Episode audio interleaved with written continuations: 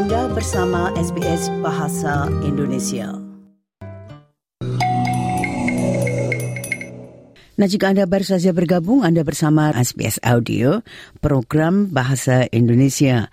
Nah, saya akan segera bergabung dengan tamu kami untuk siang hari ini, yaitu Bapak Zainul Yasni, dosen di Universitas Hamzan Wadi Lombok NTB yang saat ini tengah menjalani studi PhD-nya di Universitas Monash. Selamat siang, Bapak. Halo, selamat siang, Bu Sri. Apa kabar? Bagus, bagus. Terima kasih sekali, Pak Yasni. Nah, dalam waktu yang sangat singkat ini, Pak Yasni, saya akan mohon Bapak untuk menjelaskan itu. Karena Bapak kan saat ini tengah melakukan satu penelitian yaitu tentang sekolah Islam atau pendidikan di sekolah Islam itu. Nah, mengapa Bapak memilih judul atau topik tersebut? Baik, uh, terima kasih Bu Sri untuk kesempatan yang diberikan. Jadi kebetulan saya saat ini memang tahun terakhir untuk riset saya di bidang uh, educational leadership in Islamic School. Ini sebenarnya berangkat proses perjalanan yang panjang kenapa sampai saya meneliti tentang itu karena sebelumnya ketika saya S2 saya juga riset tentang educational leadership atau kepemimpinan dalam bidang pendidikan. Dan ketika saya kembali ke Indonesia ternyata saya menyadari betul bahwa ada banyak modal pendidikan kita di Indonesia yang belum tereksplor dengan serius. Salah satunya adalah uh, institusi atau lembaga pendidikan Islam. Di mana setelah saya baca banyak ternyata kita di Indonesia adalah negara dengan institusi pendidikan apa, religious school terbesar di seluruh dunia gitu. Hanya saja kita belum mengeksplor lebih banyak nih gitu. Akhirnya itu membuat saya berpikir bahwa sepertinya saya harus ambil peran nih di bagian itu dan secara moral juga karena saya juga alumni dari salah satu pesantren di Lombok dan secara moral saya merasa bahwa ada banyak nilai-nilai yang perlu disounding ke apa halayak uh, scholar dunia melalui dunia riset dan saya juga ingin uh, menggali lebih dalam lagi dengan pendekatan-pendekatan metodologis yang struktur uh, untuk bisa memahami tentang value-value kita yang ada di di Indonesia khususnya di lembaga pendidikan Islam tersebut. Jadi itu uh, Bu Sri, jadi secara alasannya ya dan secara moral pribadi ya betul. Iya, ini alih-alih daripada nanti orang asing yang membahasnya terlebih dahulu kan, kebanyakannya kan begitu itu. Betul. Dan memang riset-riset selama ini yang khususnya kalau ditulis di internasional ataupun di jurnal-jurnal internasional itu justru uh, banyak ditulis justru oleh para scholar-scholar dari luar gitu. Dan uh, mungkin karena mereka juga interest dalam bidang itu dan juga Indonesia juga dilihat sebagai sesuatu yang suatu fenomena yang menarik untuk dikaji dengan keberagaman agamanya, budayanya, dengan keunikannya dan ketika berbicara tentang lembaga pendidikan Islam di Indonesia itu kan unik Bu Sri. Berbeda dengan pendidikan Islam di Saudi Arabia ataupun di Pakistan, di Bangladesh atau di negara uh, muslim country lainnya gitu. Nah, dan ada keunikan-keunikan gitu. Nah, gitu. inilah yang ingin saya gali sebetulnya dalam waktu yang sangat singkat itu. Karena tadi Bapak Yasni sudah mengatakan yaitu tentang masalah kepemimpinan Nah, ini kepemimpinan yang bagaimana itu satu. Dan keduanya adalah tadi seperti baru saja dikatakan yaitu tentang nilai-nilai Islam atau nilai-nilai pendidikan Islam yang tidak dipunyai atau berbeda dengan di negara-negara lain. Mungkin satu persatu. Kita lihat dulu ya. nilai-nilai apa yang Bapak Artinya itu pikir sebagai nilai-nilai yang perlu atau dapat ditawarkan pula justru kepada masyarakat yang lebih luas, yaitu masyarakat internasional. Baik, jadi saya melihatnya ada dua poin tadi yang Bu Sri sampaikan itu ada tentang kepemimpinan, terus juga tentang nilai-nilai kita di di pendidikan Islam. Tapi saya mulai dari uh, kepemimpinan dulu, di mana bahwa terkait dengan riset saya tentang kepemimpinan ini yang saya ekspor sebenarnya tentang ada relasinya dengan nilai tadi gitu ya. Jadi saya ingin mengetahui tentang apa sih nilai-nilai yang dipegang oleh pemimpin-pemimpin di lembaga pendidikan kita itu, khususnya lembaga pendidikan Islam itu yang ingin mereka emphasize, mereka ingin instill, mereka tanamkan di lembaga pendidikan uh, yang mereka pimpin begitu ya. Karena ketika berbicara tentang pendid lembaga pendidikan Islam kita kan beragam tuh Bu Sri. Kalau konteks Indonesia itu ada eh, lembaga pendidikan Islam yang berafiliasi ke Muhammadiyah misalnya ada NU Islam gitu. ada yang ke Nahdlatul Ulama ada yang langsung ke, ke ada yang NWDI Arab, dan banyak ya, lah gitu. Iya. Iya, dan ada juga yang muncul gitu dengan dari apa ideologi ideologi yang transnasional gitu yang berafiliasi dengan dengan misalnya Salafi, Wahabi dan sebagainya dan macam lah gitu banyak sekali itu trennya begitu. Dan saya mengeksplor itu tentang keunikan-keunikan dari gaya-gaya kepemimpinan mereka yang dipengaruhi oleh nilai yang mereka pegang. Adapun nilai secara general gitu kalau misalnya saya merefleksikan dari data yang saya olah begitu itu sebenarnya tidak keluar dari uh, prinsip-prinsip uh, dasar dari Islam itu sendiri, Bu Sri. Di dalam Islam itu ada kita mengenal istilah habluminallah dan habluminannas. Nilai-nilai hubung bagaimana memperkuat hubungan dengan Tuhan dan juga memperkuat dengan hubungan dengan sesama manusia.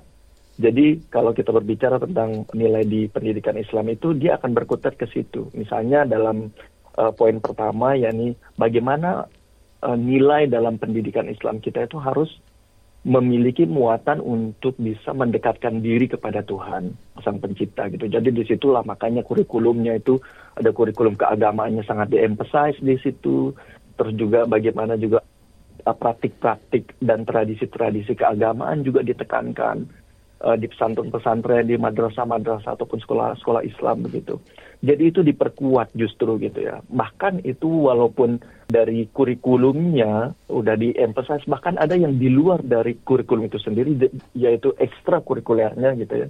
Itu justru belajar tentang kitab kuning lah gitu, tentang adab, Quran hadis, tahfiz dan sebagainya gitu ya. Yang itu semuanya bermuara untuk mendekatkan diri dan mem, apa, mendorong para pelajar-pelajarnya itu untuk mendekatkan diri pada Tuhan. Lalu ada yang kedua, yakni nilai tentang habluminanas. Bagaimana untuk merawat hubungan dengan sesama manusia. Ini sebenarnya nilai universal kemanusiaan, humanity gitu ya. Bagaimana bisa menciptakan pribadi yang toleransi, yang respectful gitu, yang yang apa bisa menghormati satu sama lain. Bahkan itu juga dipengaruhi oleh budaya-budaya uh, keindonesiaan kita gitu ya budaya apa togetherness kita, ya, kebersamaan kita di situ bahkan dari saya itu tidak ada dari pemimpin sekolah kita itu yang memutuskan satu keputusan atau mengambil satu keputusan kepemimpinannya itu kecuali melalui bermusyawarah gitu. Berbeda dengan mungkin di, di konteks yang lain yang cukup mereka yang bisa otoriter misalnya atau karena mentang-mentang misalnya satu bos atau atasan punya otoritas power yang lebih gitu. Mereka menekankan itu gitu.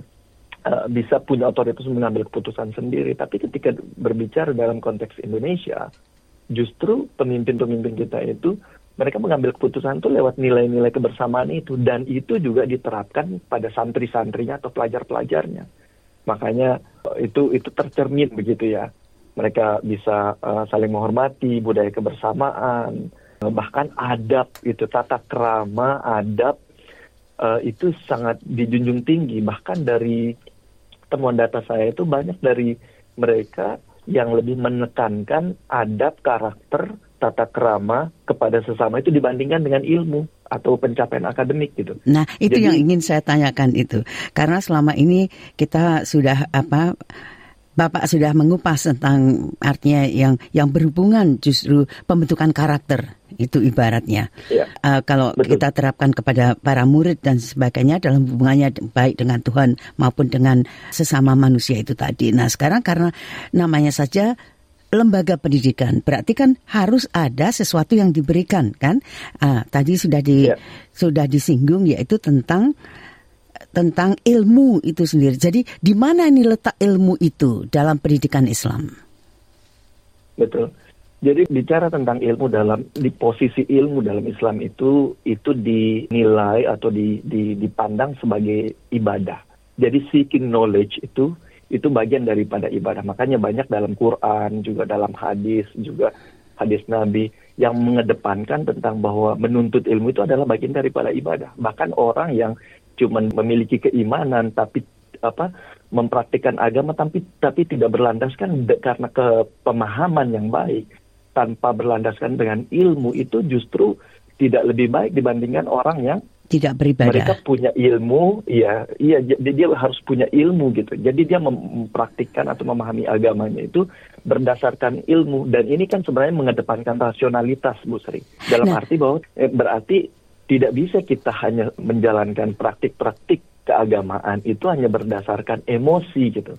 Maksud yeah. saya itu misalnya ada sekarang kan kalau orang hanya mengedepankan emosi, menggunakan ayat uh, agama misalnya dalil agama lalu dipandang tanpa dengan uh, melibatkan rasionalitas untuk memahami dan pemahaman yang secara holistik ya komprehensif dalam memahami uh, firman Tuhan dan juga hadis Nabi misalnya maka orang bisa sedikit-sedikit justru main emosi cepat amarah gitu misalnya ya. atau malah salah paham gitu loh Bu Sri. Ya. Nah, nah itulah karena kami semua kan orang awam itu ibaratnya. Nah, bagi orang awam itu kadang-kadang ini pengamatan saya saja. Jadi kadang-kadang kami itu melihatnya bahwa wah kalau pendidikan Islam itu berarti yang diutamakan adalah itu tadi, yang uh, dua dua uh, hal itu tadi yaitu hubungan hubungan manusia dengan Tuhan, hubungan uh, manusia dengan manusianya itu tadi. Dan sehingga dalam konteks sekolah itu ibaratnya ilmunya itu jadi merupakan tambahan saja, bukan sebagai ibadah yang seharusnya dilakukan, seharusnya berjalan bersama dengan dua hal yang yang tadi diucapkan. Ya, dan jadi slide yang dua tadi itu juga ada yang perlu saya tambahkan juga Bu Sri. Jadi memang selain itu mencari ilmu, menuntut ilmu itu adalah bagian daripada ibadah, makanya itu harus ada diniatkan gitu. Diniatkan, maka dalam Islam itu ada istilah bagaimana kita berniat untuk menuntut ilmu, itu juga sebagai bentuk dari agar proses mencari ilmu itu juga menjadi proses apa namanya praktik ibadah. Sehingga ketika orang mencari ilmu pun maka prosesnya harus selain niatnya baik maka caranya juga harus baik.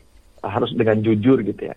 Ujian tidak boleh nyontek misalnya gitu ya. Terus juga harus mengedepankan adab tadi misal buku pun itu tidak bisa dilempar-lempar gitu. Ada adabnya tata cara. Itu adalah bagian dari cara untuk menghormati ilmu sehingga dalam Islam tidak hanya dari knowledge-nya saja yang akan dicari.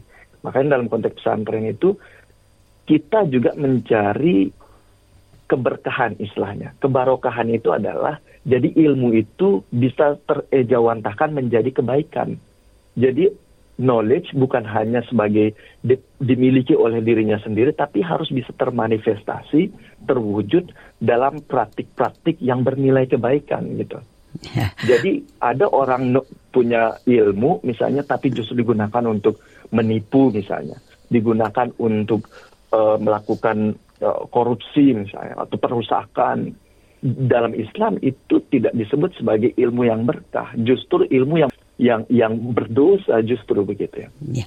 Bapak ini sebetulnya masih banyak sekali yang ingin saya tanyakan tadi karena Bapak pun juga belum membahas itu tentang nilai-nilainya itu sendiri yang dikaitkan dengan pendidikan itu. Tapi itu mungkin kita bisa bicarakan di lain kesempatan sebelum Bapak pulang itu. Ini sebagai janji saya ya, ya. atau sebagai janji kita berdua begitu ibaratnya. Waduh, romantis saya jadinya janji berdua. ya.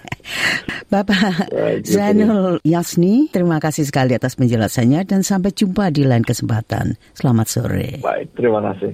Selamat sore. Betul.